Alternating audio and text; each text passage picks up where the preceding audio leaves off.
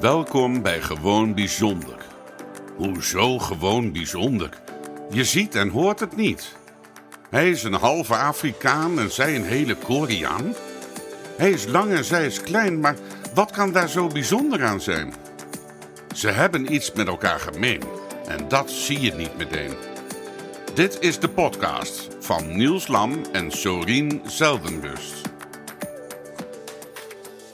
Nou, mensen, hartelijk welkom weer bij een, eh, een nieuwe aflevering. En weliswaar de eerste van het der- ons derde seizoen.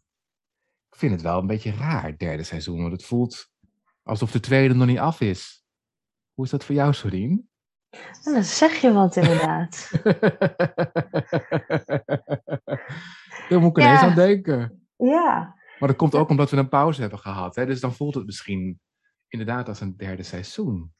ja, en ik denk, ehm, het komt misschien ook wel omdat het tweede seizoen voor ons beiden best wel veel bewogen is geweest. En het derde seizoen, waar we nu mee starten, eigenlijk ook. Ja, Want we gaan het beide, ehm, nou ja, ons leven wordt nog meer in beweging gezet dan dat het nu al is. Klopt, klopt. Ja, klopt. Dus we houden het gewoon inderdaad bij de, eh, een, nieuwe, een nieuw seizoen, start eh, seizoen 3, aflevering 1. En alle drukte die er al is, en, alle bewegingen. Ja, en alle bewegingen. En hoe leuk is het om eigenlijk weer een beetje terug te gaan naar ons eerste, eerste seizoen dat we elkaar gingen bevragen. Eh, de eerste aflevering ging jij mij eh, bevragen. En deze aflevering eh, heb ik de eer om jou weer eens een keertje over jouw leven te bevragen. Ja, ja, ja, ja, ja. En Ja. heb je enig idee waar ik het met jou over wil gaan hebben? Ja, wel een beetje. Ja, een beetje, hè? Ja, we, Ja. Hebben, het al een- we hebben het al eens even over gehad. Want je bent natuurlijk onlangs eh, voor de tweede keer moeder geworden. Klopt. Je hebt een, eh, ik moet zeggen, ik, wil, ik ga zeggen een heel mooi zoontje, maar ik heb hem helemaal nog niet in het echt gezien. Dus, eh, daar Je hebt veel foto's gezien. Ja, en op de foto ziet het er heel mooi uit. Precies. En ik weet dat je geen Photoshop gebruikt, dus dan is hij in het echt is hij helemaal een plaatje. Dus eh, eh, nee, dat gaan we zeker eh, snel doen. Ehm, maar ja, goed, ehm, de reden dat ik jou wil bevragen deze keer is omdat ik jou ook een aantal keren op Instagram wat hele mooie posts heb voorbij zien komen. We hebben het uiteraard ook wel gewoon live één op één over het een en ander gesproken. En ik denk gewoon dat we ook wellicht luisteraars met dit gesprek ehm, ja, van informatie kunnen voorzien of kunnen, ehm, ja, ik wil bijna zeggen enthousiasme- enthousiasmeren, maar dat is niet het, eh, het, het juiste woord eh, waarschijnlijk. Maar ja, dat is wel een beetje wat ik, eh, wat ik hiermee hoop te, te realiseren. Oké. Nou, wat is de... Ja, ik zeg dan... wat is je eerste vraag? Wat mijn weer... Nou, ja, Mijn allereerste vraag is, hoe voel je je?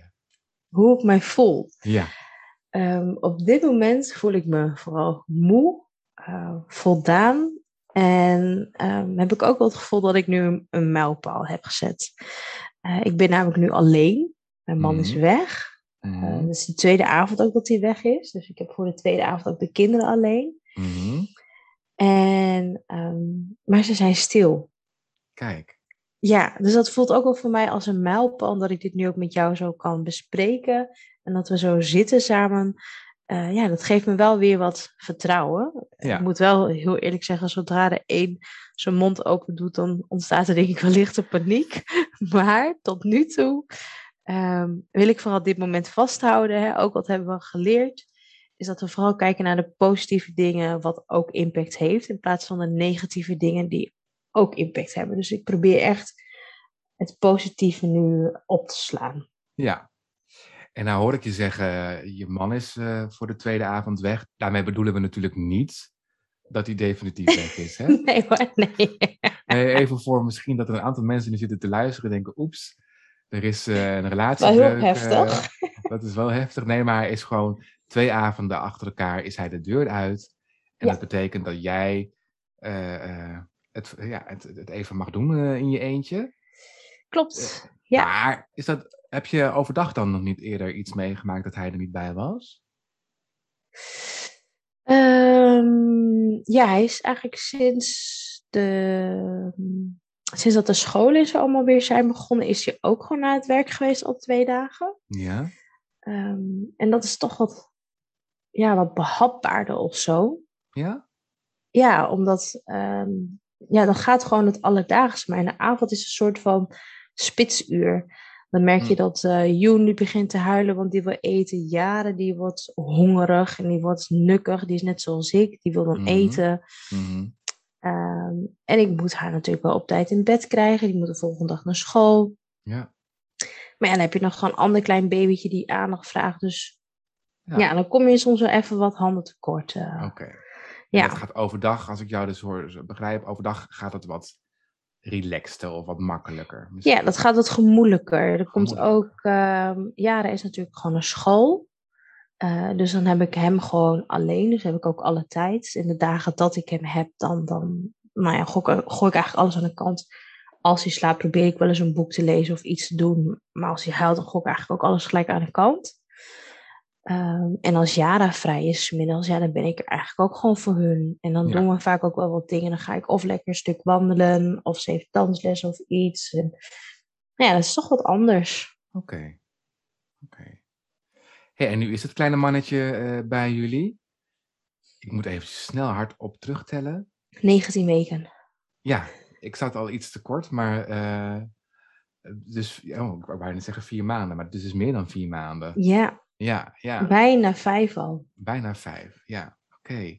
Hey, en, en, en kan je ons eens meenemen hoe dat voor jou is gegaan? ehm, die afgelopen maanden nadat hij is geboren. Oei, oei, oei. Wil je ons meenemen? Ja, tuurlijk. tuurlijk. Ik vind het heel belangrijk dat het ook wordt gedeeld. Ehm, even kijken hoor. De eerste weken, of laat, laat ik beginnen met de eerste week. Eh, toen we thuis kwamen in de kraamtijd. En de kraamverzorgster was er. Toen merkte ik dat ik heel weinig geluid eigenlijk kon verdragen. Niet eens muziek. Mhm, Dat vond ik echt heel lastig. mhm, Ehm, en naarmate eigenlijk de rust en balans meer kwam, kon ik weer meer hebben. En ik denk dat het wel bijna nou, anderhalf tot twee maanden geduurd heeft dat ik meer geluid tegelijk aankon. mhm. Ehm, maar toen gingen we eigenlijk al vrij snel ook de zomer in. En toen zijn we natuurlijk heel lang samen nog geweest. Dus dat was een beetje een verlenging van mijn verlof.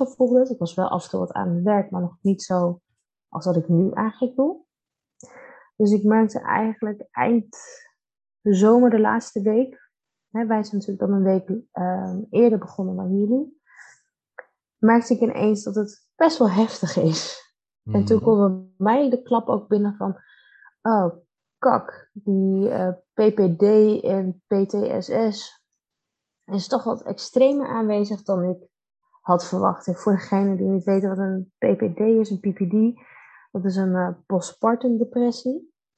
Ehm, ja, eigenlijk wou ik het niet erkennen dat het er Mhm. was. Alleen had mijn ehm, systeemtherapeut of nou, systeem eigenlijk maatschappelijk werker en ook mijn ehm, psycholoog had het eigenlijk sneller door dan ik.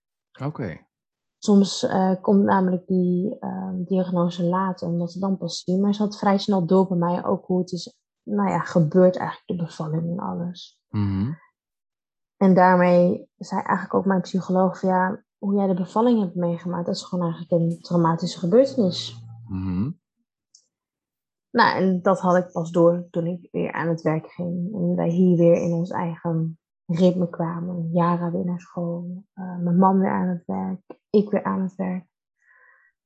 Totdat ik een dag echt gewoon aan tafel zat. Ik kon mijn hoofd amper omhoog houden. Ik kon amper eten.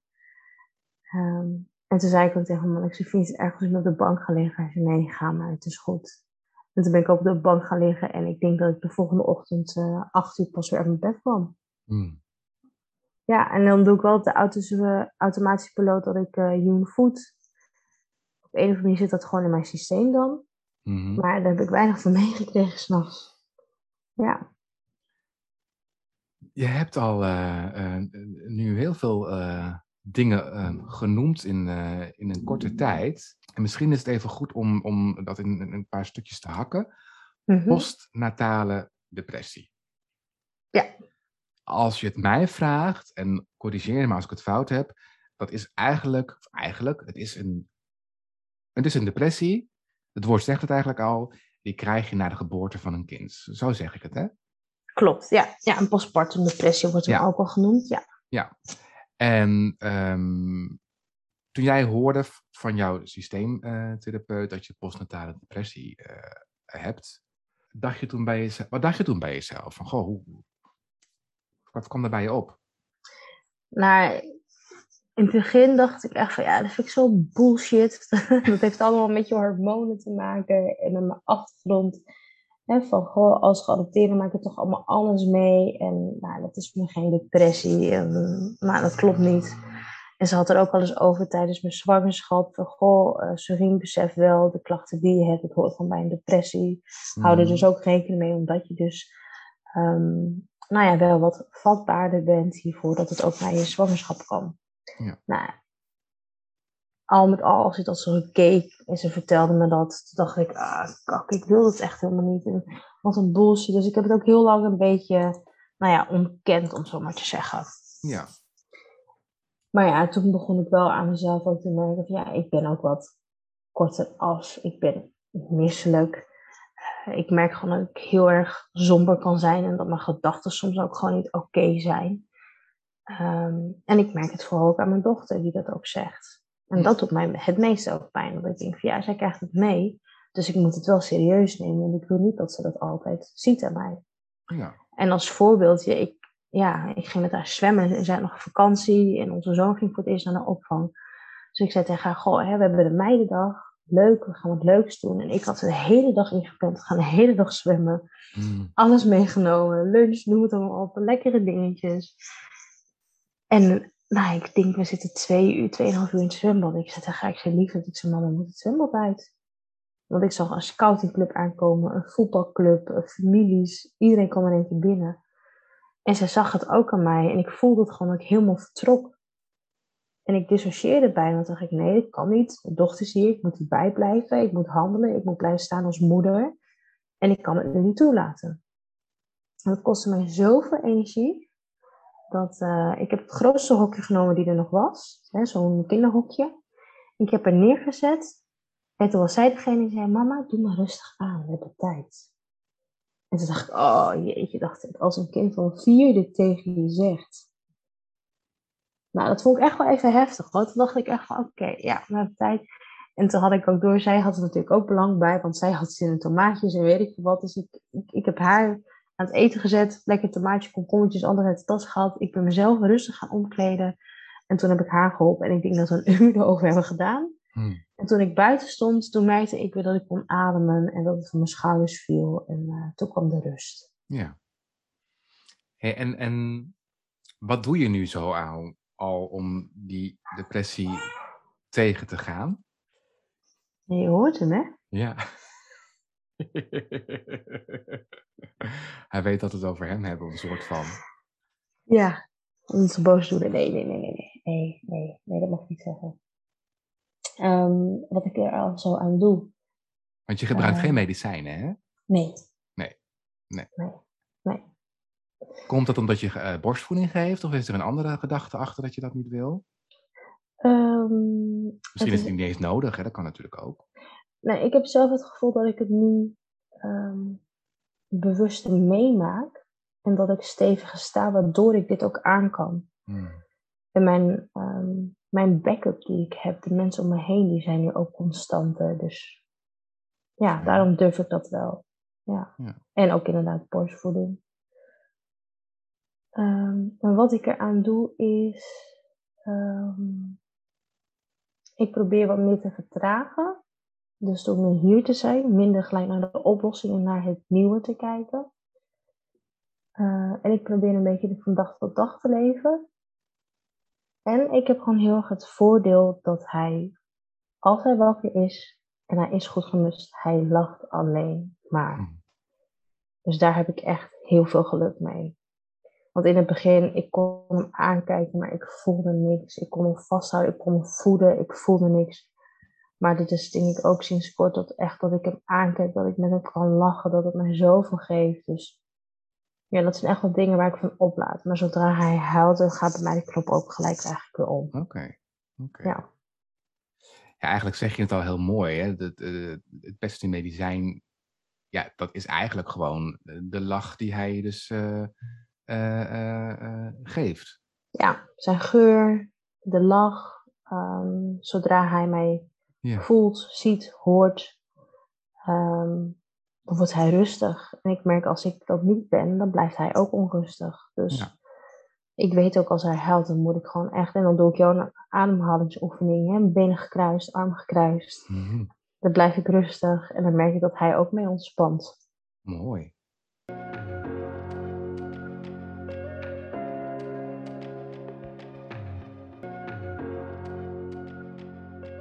Ja, want je hebt eh, ehm, een aantal, eh, voor de mensen die dat nog niet weten, wat ik me niet kan voorstellen, maar goed.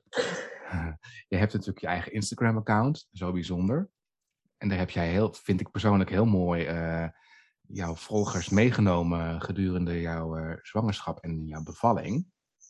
En daar heb ik eventjes een post uitge- uitgepikt.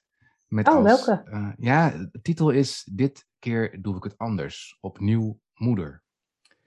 En daarmee, eh, eh, ik citeer, het heeft even geduurd voordat ik wat rust vond in mijn hoofd en in mijn lijf. Ons begin heeft impact gemaakt. Heeft een litteken geopend en een nieuwe erbij gezet. Ik moest je alleen met je papa laten. En ik ging alleen terug naar onze kamer. Zonder jou. Mijn buik was leeg, maar ik nam jou niet mee. Dat ehm, vind ik wel een hele ehm, ehm, ja, ik vind het best wel, best wel heftig. Als je dat dan zo nu zo terug hoort, hoe is dat dan voor jou nu? Ja, heel pijnlijk. Hm. Dit is ook hetgene wat, ja, met één weer heb ik de hele bevalling kunnen, ehm, kunnen verzachten, wat oké is. Maar dit stuk lukt niet. Hm. Dit stuk dat blijft een pijnpunt voor mij. Oké. Ja. Dat heeft zo'n ehm, dunne laag, of nee, een, een dunne lijn met mijn eigen ehm, verdriet. En dat zei de psycholoog ook, die zei dat ook van, ja, dit is iets wat ik niet weg kan nemen van je, maar dat wat ik ook niet wil. Omdat het gewoon gaat over jouw eigen pijn van afgestaan te zijn. En ik weet wel, ik heb hem niet afgestaan. Maar dat ik gescheiden was van hem zo lang, dat voelde wel als een, als een heel verkeerd begin. Ja, en dat heeft gewoon enorm veel impact op mij gemaakt. En dat hoor je ook nog steeds. Mhm. Ja. En dat je dan ja, een kamer inkomt. Ehm, ik weet het nog heel goed. Ik ben die kamer ingereden. Ik ben echt is zo dacht ah, lekker, ik kan even bijkomen. En toen keek ik naar mijn buik en toen dacht ik, ja, maar ik heb helemaal geen kind. En ik heb ook helemaal geen bedje. En nou, mijn man die was er ook niet. En nou, het voelde zo raar. En vijf minuten later stond mijn maatschappelijk werker van de poppolie, die stond daar ineens. En die zei van, ik heb, ik heb je op de voet gevolgd en hoe is het met je? Nou, alleen de woorden, hoe is het met je? Bam, tranen, alleen maar huilen. En Mhm. Toen zei ik het tegen Rix, ja, ik heb het gevoel dat ik in een roes zit. Dat mijn hoofd in een aquarium zit. En ik hoop gewoon dat ik zo kan slapen. En dat ik mijn ogen open doe en dat het gewoon niet klopt. Dat het gewoon niet echt is. Mhm. En toen zei ze volgens mij ook wel lief tegen mij van, eh, nou neem je rust. Maar ze zegt, ja, sorry zegt ze, maar als je je ogen open doet, dit is wel de werkelijkheid. En als je wil, ben ik er morgen weer. En die dag erna ben ik er weer. En toen dacht ik echt van, nou, dat vind ik echt wel heel fijn dat ik, ook al was ik alleen in de kamer, kwam ik eraan, toch was er iemand voor me om me op te vangen. En dat vond ik wel heel prettig. Ja. Ja. ja. Hey, en Sorine, in hetzelfde stukje eh, heb je ook eh, geschreven dat je hoopt dat je eh, een, een, een, een moeder 2.0 gaat worden. Dan heb ik altijd meteen zoiets ironisch en cynisch over me heen van, goh, je bent toch gewoon bij de geboorte van Jara ben jij moeder en dat gaat gewoon door. Joen is erbij gekomen. Wat Ja. is die 2.0? Ja, dat is uit mijn hoofd volgens mij ehm, eh, door mijn ervaring en kennis van iets had ik neergezet. Hoop ik om een, een mooie mens te zijn. Met nieuwe updates volgens mij zoiets. Ja, zoiets. Ja, dat staat inderdaad bij. Puur door de ervaring en kennis die ik de afgelopen jaren heb mogen ontvangen en leren, in de hoop om een mooier mens te worden en de 2.0 versie van het moeder zijn, met nog veel updates te gaan. Ja. Ja. ja, daarmee bedoel ik eigenlijk, ehm, nou ja, bij jaren was ik wat, nou ja, was ik wat. Toen was ik gewoon zwanger, toen stond ik niet echt stil met mijn adoptie. Dat kwam pas toen zij twee weken later kwam. Toen ehm, hoopte ik heel erg dat ze twee weken eerder kwam op mijn aankomstdag. Dat had ik heel mooi gevonden, maar toen kwam ze maar niet. Toen duurde het nog een maand. En toen pas begon het bij mij te, een beetje het balletje te rollen van... hé, hey, als zij zo niet bij mij weg wil, wat is die band dan zo sterk? Mhm. Maar toen heb ik eigenlijk niks gedaan met mijn adoptie. En naarmate zij ouder werd en ehm, ik alles ben aangegaan met mijn adoptie in het hele proces zag ik ineens wat zij ook overnam van mij. En als voorbeeld, ik weet niet of we daar eerder over hebben gehad, maar uh, tijdens de retraite, dat ik hoorde dat ik mijn verlies moest dragen met Korea en dat ik me hier hoor te wortelen, ook om het belang van mijn kinderen. Omdat Mhm. ik anders dat overgeef aan hun. Toen ik dat kon accepteren, ondanks het verlies wat heel veel pijn doet, was het wel dat zij sinds kort zegt ook van aan tafel, mama, ik ben Nederlands Mhm. heb ik haar nog nooit eerder horen zeggen. En dat zei mijn man dus ook. Sinds dat jij dat hebt geaccepteerd, zie je ook dat zij zich anders gaat gedragen. Dus dat bedoel ik een beetje met de vele updates. En ik hoop gewoon eh, dat Joen daar misschien in wat, ja, wat cleaner is, om zo maar te zeggen. Dat Ja. hij daar minder van mee hoeft te krijgen. Dus ja, ik zeg wel eens tegen ja, gekscherend. Ja, je bent een beetje mijn mijn proef, eh, Proefbaby proefkind. geweest. Oh god. Oh, Ja, oh, dus eh, het experimentje. het experimentje.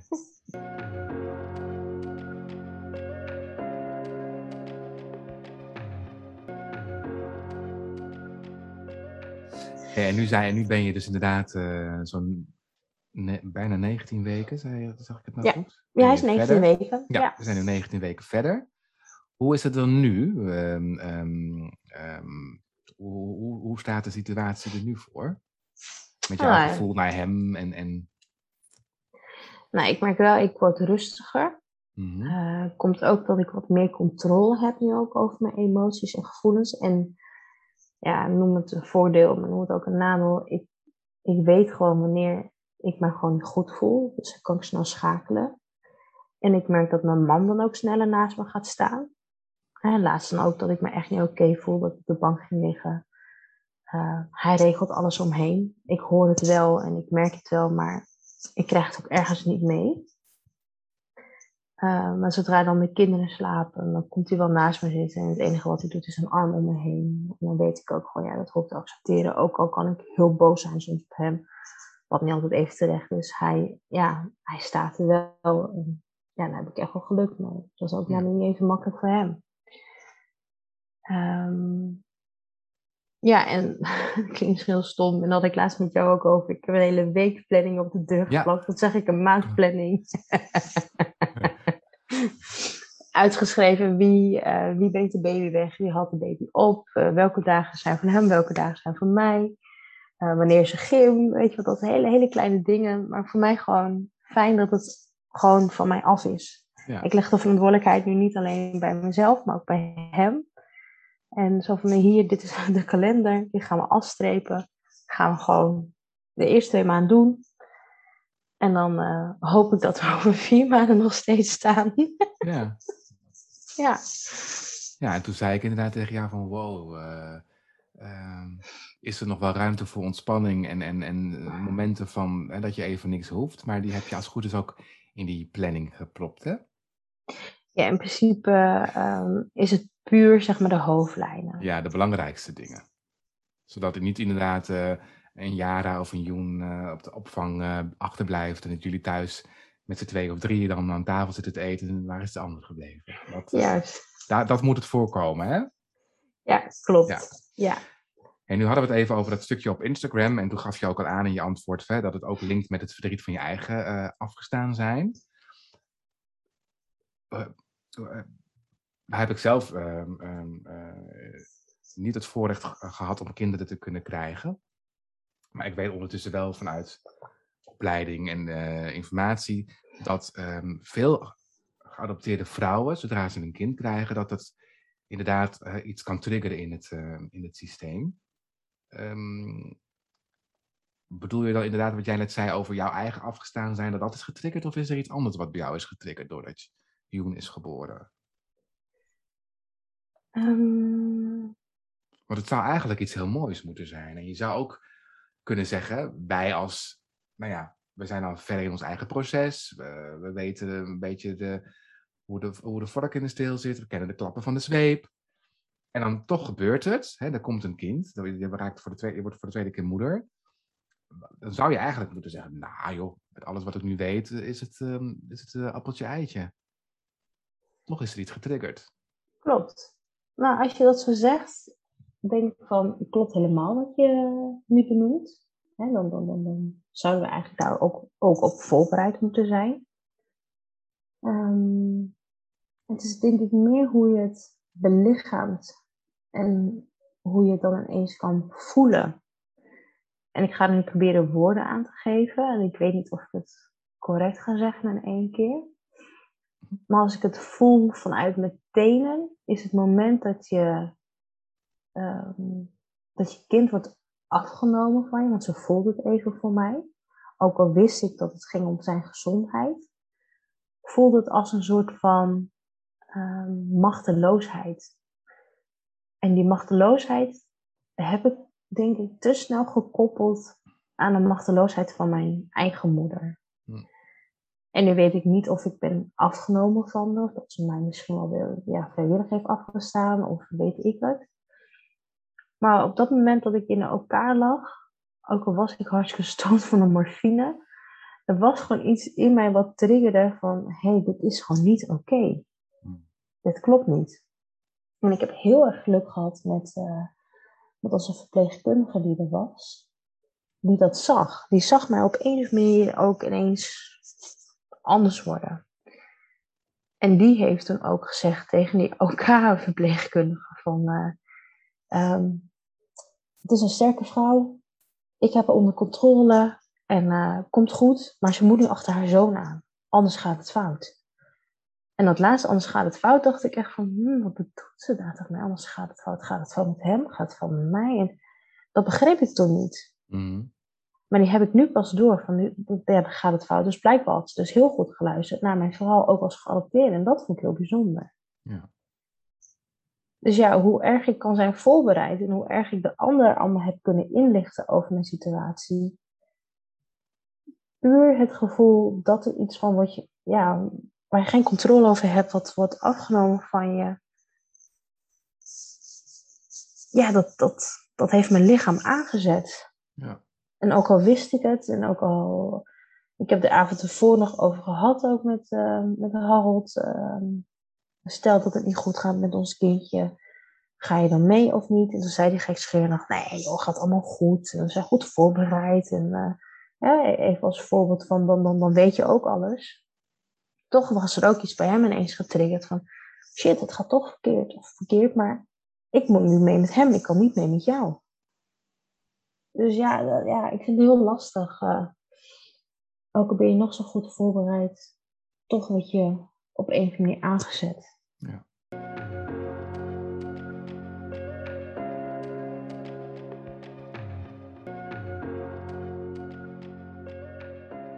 En in hoeverre heeft jouw moederschap, zowel over jullie dochter Jara als jullie zoon uh, Joen, jouw kijk op adoptie uh, beïnvloed, veranderd? Uh...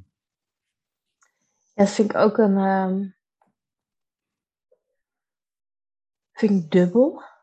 Uh, aan de ene kant denk ik, hoe kan je een kind afstaan als je er zoveel van houdt? Uh, maar aan de andere kant denk ik ook, als je het niet ziet en het wordt gelijk van je afgenomen, dan ga je ook op een soort overlevingsstand. Dat merkte ik ook wel bij jou. Dus die vind ik heel moeilijk. Ook omdat ik nu beide kanten een beetje ken. Um, en aan de andere kant denk ik van ja, je weet toch wel de dag dat iemand is geboren, dat onthoud je toch wel, denk ik dan. Dat heeft zoveel impact op je. Maar moet ik zeggen, ja, bij Joen twijfel ik soms aan welke datum het is geweest. Dus ja, ik vind, het, ik vind hem heel lastig. Ik vind hem echt heel moeilijk. En mijn kijk op adoptie, ja, dit is nooit zo rooskleurig geweest. Daar ben ik heel eerlijk in. Maar ik vind gewoon, een kind hoort gewoon bij degene waar die wordt geboren. Ja, en ehm, ik hoor jou zeggen, hè, als, ehm, ehm, je, je zei in je verhaal van, hè, dat, dat, je, dat eh, hij voor zijn eigen bestwil even weg is gegaan tijdens de, na de bevalling. Hè, dat jij alleen achterbleef in de kamer. En ehm, dat je vanuit jezelf een bepaald gevoel kreeg van, hé, hey, er klopt iets niet, dit is, dit is niet correct. Nou weten we onder andere van heel veel ehm, moeders die in, in Nederland, hè, eh, afstandmoeders in Nederland, die in tehuizen hun kind hebben gekregen, dat ze heel vaak het kindje niet hebben kunnen of mogen zien.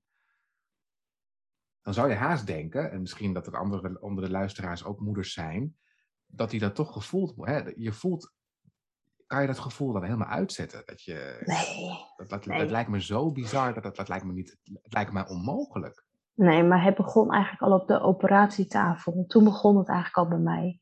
Dat ik begon te twijfelen. Van, hé, hey, moet het eigenlijk wel? Moet het nu al wel? Want we hebben het anderhalf week eerder gehad.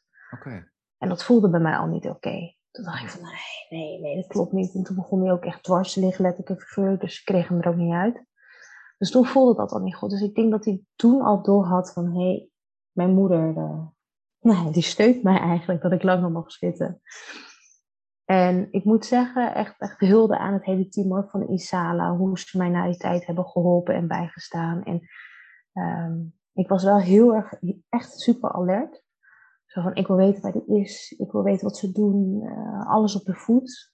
Um, zelfs vanuit de operatiekamer. Toen werd er ineens stilgestaan met mijn bed. Iemand schopte tegen de muur aan. Dat weet ik ook nog heel goed dat er een deur open ging en dat ze zeiden, maar hier zit je mama met je zoon. Dat ik denk, oké.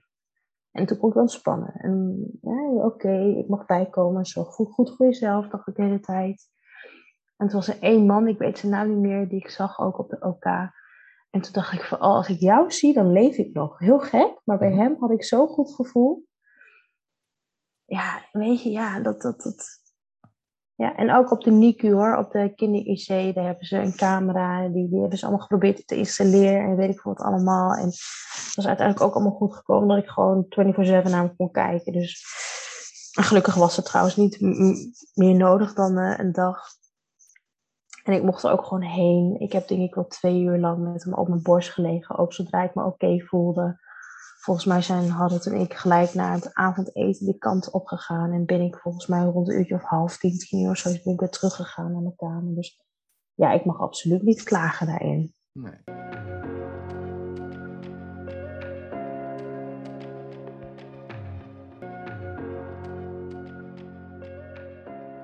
Hey, en nu, uh, nu ben je, uh, je leven is weer veranderd. Je bent ondertussen ook weer aan het werk gegaan. Je hebt ook afscheid genomen van een van je banen, die je in het verleden ja. hebt gedaan. Hoe, is het, hoe, kijk je nu naar, naar de, de dag van vandaag? Uh, um, drukke werkende, uh, werkende vrouw. Um, in sommige punten heb ik het idee dat je weer op de oude, op de oude sporen uh, bent gaan zitten. wat je al zei, Harold die is ook weer aan het werk. Jaren gaat naar school. Je begint aan het derde jaar van de AFC adoptie- en fostercoachingopleiding. Je gaat ook beginnen met de post-HBO minor op het HAN uh, over um, afstand en adoptie. Het heet volgens mij anders, maar ik noem het even afstand en adoptie. Ik vraag me dan letterlijk af, waar haal jij de tijd vandaan? Nou, Niels, ik zal je het vertellen. De maandag is eigenlijk een lege dag voor mij. Ja. Die heb ik stiekem ook een beetje gereserveerd voor ons, zoals -hmm. je weet. Ja. En heel soms voor mensen die, nee, die echt in nood zitten. Um, dan heb ik in principe de rest van de week, uh, woensdag en donderdag studie. Mhm. Mm -hmm. Soms de woensdag, dat is één keer in de drie of vier weken als ik het goed had. En de donderdag is standaard. En de vrijdag en zaterdag, of zondag soms, of vrijdag en zondag, hebben wij dus onze, nou, onze studie samen. Mm -hmm.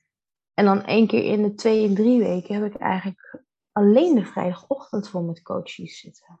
Oké. Okay. De vrijdagmiddag heb ik ook vrij. Dus in principe van mijn eigen werk van Zo Bijzonder heb ik eigenlijk ook op mijn laag pitje staan. Ja. En hoe is dat? Want ik kan me namelijk nog herinneren, toen jij uh, met zwangerschapsverlof ging, dat je zei van, oh, en dan um, mijn coaches, die, uh, die, die kan ik dan even niet meer coachen, en dit kan ik niet meer, en dat kan ik niet meer, en hoe ga ik het zo meteen weer oppakken? En ik hoor je nu eigenlijk zeggen dat je, ja, je hebt besluit genomen om je van je eigen praktijk uh, de uren te minderen. Je bent bij mens en kinders gestopt. Ja. Oké, dat is toch wel een ander beeld dan wat je daarvoor, uh, de soort van, waar je eigenlijk een beetje bang voor was, ben je eigenlijk wel aan het doen. Zeg ik het zo goed? Ja. Ja. ja. ja, ik ben eigenlijk met alles aan het minderen. Met AFC ben ik eigenlijk ook aan het minderen. Ja, klopt. Eigenlijk uh, alleen de activiteiten die staan, dat is alleen de fight and flight doe ik. Ja. Um, nou ja, alle nieuwe projecten, ik zal nog niet zoveel verklappen, maar die zijn allemaal voor volgend jaar. Mm -hmm. En dat gaat goed. Tot nu toe wel. Kijk, en nu is het, uh, dit is eigenlijk de timer, hè?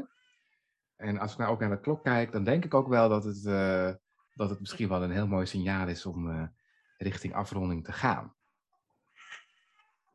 Ik zal eens even kijken. Ja, ga eens even kijken. Neem de luisteraars even mee naar een, het Koreaanse.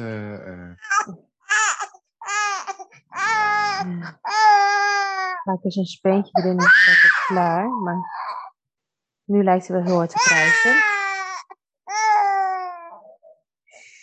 Is bij je. Het is oké. Okay. Het is oké, okay, Het is oké. Okay. Nou, dan ga ik even kijken of het lukt. Maar. Nee.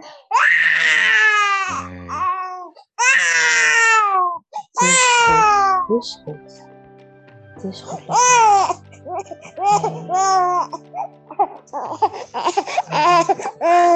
Hij heeft wel echt verdriet. Ja. Nou, dan denk ik dat de laatste woorden voor uh, zijn. En dat we met dit, uh, dit mooie, mooie, mooie huiltje gaan, uh, gaan afsluiten. Ja, dit wordt onze outro. Dit wordt onze outro.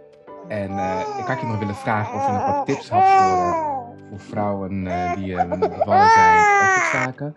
Maar daar gaan we de volgende keer wel even over. Ja, is goed. Ik ben al lang blij dat het toch gelukt is. Ja, hij heeft het goed vol, hè? Hij heeft het goed volgehouden. Ja. En uh, uh, luisteraars, bedankt voor het luisteren. En tot de volgende keer. Groetjes van Joen. Ja, groetjes van Joen. Dit was de podcast van Gewoon Bijzonder. Niels en Sorien horen graag wat je van de podcast vindt. Wil je een review achterlaten of wil je iets delen? Je kan ze vinden op Instagram, Facebook en hun eigen website gewoonbijzonder.nl. En als je daar dan toch een kijkje neemt, volg, like en deel deze podcast. Dankjewel.